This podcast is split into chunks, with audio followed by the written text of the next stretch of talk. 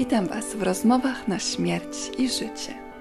Nazywam się Ania Franczak i spotykam się z różnymi ludźmi, żeby porozmawiać o sprawach ostatecznych, to znaczy o umieraniu, śmierci i żałobie. Te tematy dotyczą nas wszystkich. Przecież każdy z nas kiedyś umrze. A ten podcast to miejsce, w którym chcę rozmawiać o tych kwestiach bez tabu, z otwartym sercem, dobrą dawką humoru i przede wszystkim z wielką miłością do życia. To jeszcze nie jest pierwszy odcinek, tylko krótka zajawka, w której chcę Wam opowiadać, kim jestem, dlaczego ja to robię i skąd to się wszystko wzięło.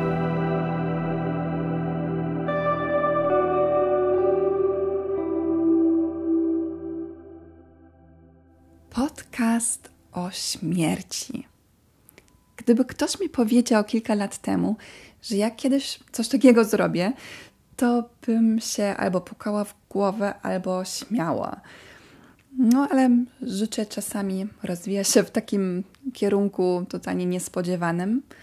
A u mnie akurat tak się to wszystko stało, że ja dzisiaj pracuję z osobami w żałobie.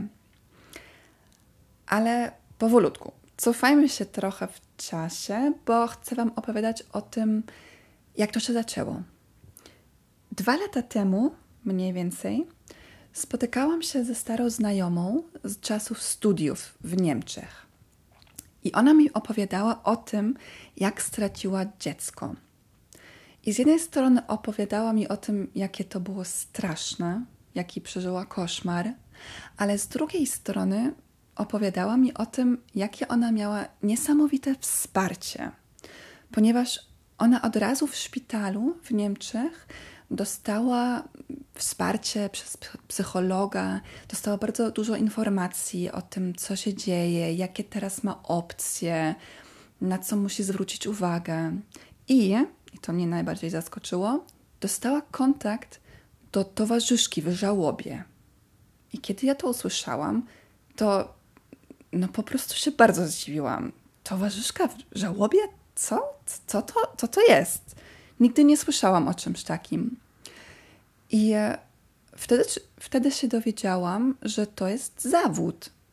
To jest zawód, który istnieje w Niemczech od ponad 20 lat pod nazwą Trauerbegleiter, a w Anglii z kolei funkcjonuje pod nazwą Grief Counselor.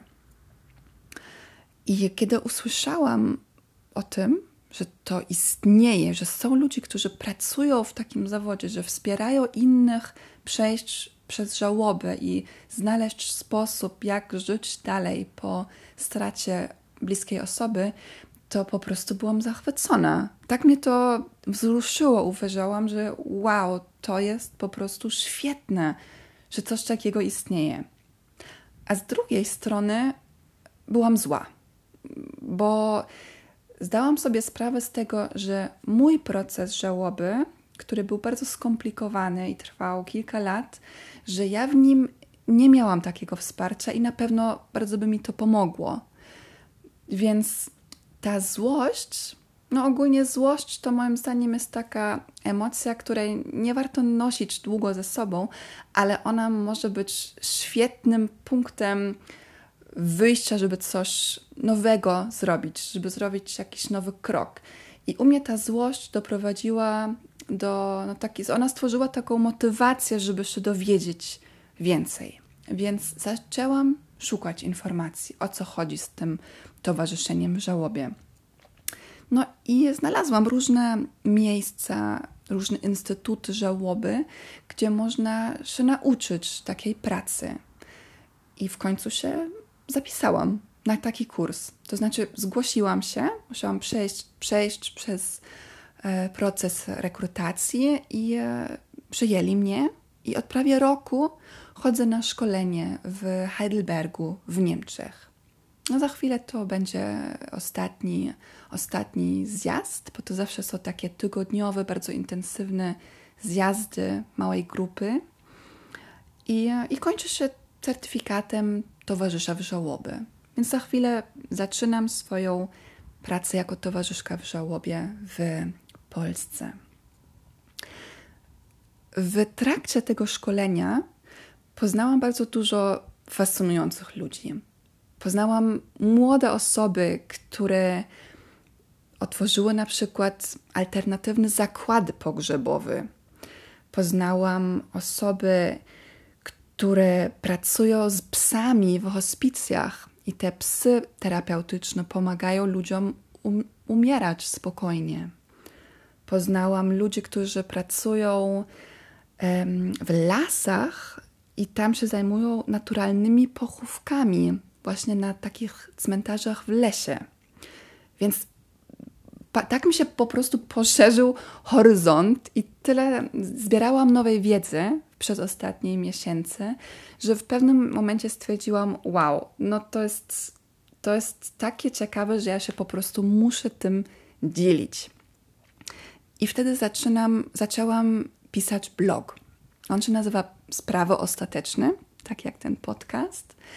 I na tym blogu pisałam głównie o tych ludziach, których poznałam i opisałam ich niesamowitą pracę.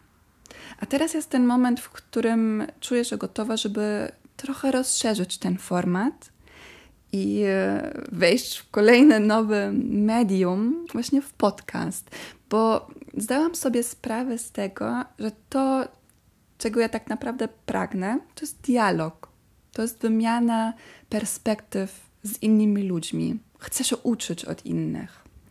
Więc koncepcja tego podcastu jest taka. W każdym odcinku spotykam się z inną osobą i rozmawiamy o śmierci, o umieraniu i o żałobie. I z jednej strony będę się spotykała z osobami ze świata sztuki i kultury, to znaczy z artystami, które patrzą na te kwestie poprzez swoją twórczość, skonfrontują się ze skończonością naszą poprzez muzykę, malarstwo, literaturę, film.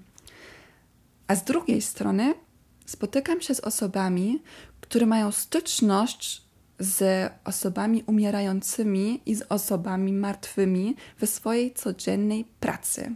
Więc z ludźmi, którzy pracują na przykład w hospicjach, albo w szpitalach, albo w zakładach pogrzebowych, na cmentarzach.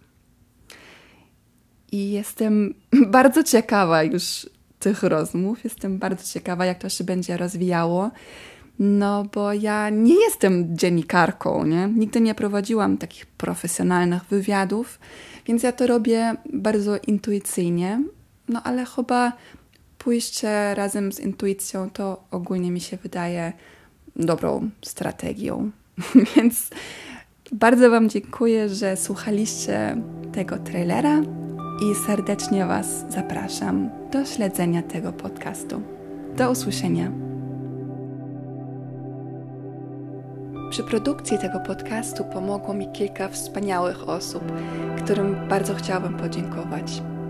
Pierwszy to Mateusz Franczak, który skomponował muzykę, pokazał mi, jak nagrywać materiał, pomaga mi przy montażu i w ogóle jest bardzo dużym wsparciem w moim życiu. Mateuszu, bardzo Ci dziękuję, tak naprawdę głęboko, głęboko z serca. Druga osoba to Julia Karwan-Jastrzębska, która zaprojektowała grafikę, okładkę. Julka, zrobisz fantastyczne rzeczy i jesteś w ogóle cudowna. Bardzo Ci dziękuję. I trzecia osoba to Filip Kalinowski, który wprowadził mnie trochę w świat podcastów i tłumaczył mi, jak to działa, i zachęcał mnie do tego, żebym zrobiła własnego. Dzięki wielkie. Jeżeli nie chcecie przegapić nowych odcinków, to zachęcam Was do śledzenia mojego profilu Sprawy Ostateczne na Facebooku i na Instagramie. Tam też ogłaszam e, inne wydarzenia, dzielę się ciekawymi artykułami i ciekawostkami i swoimi przemyśleniami na temat śmierci i żałoby. Ściskam Was. Pa!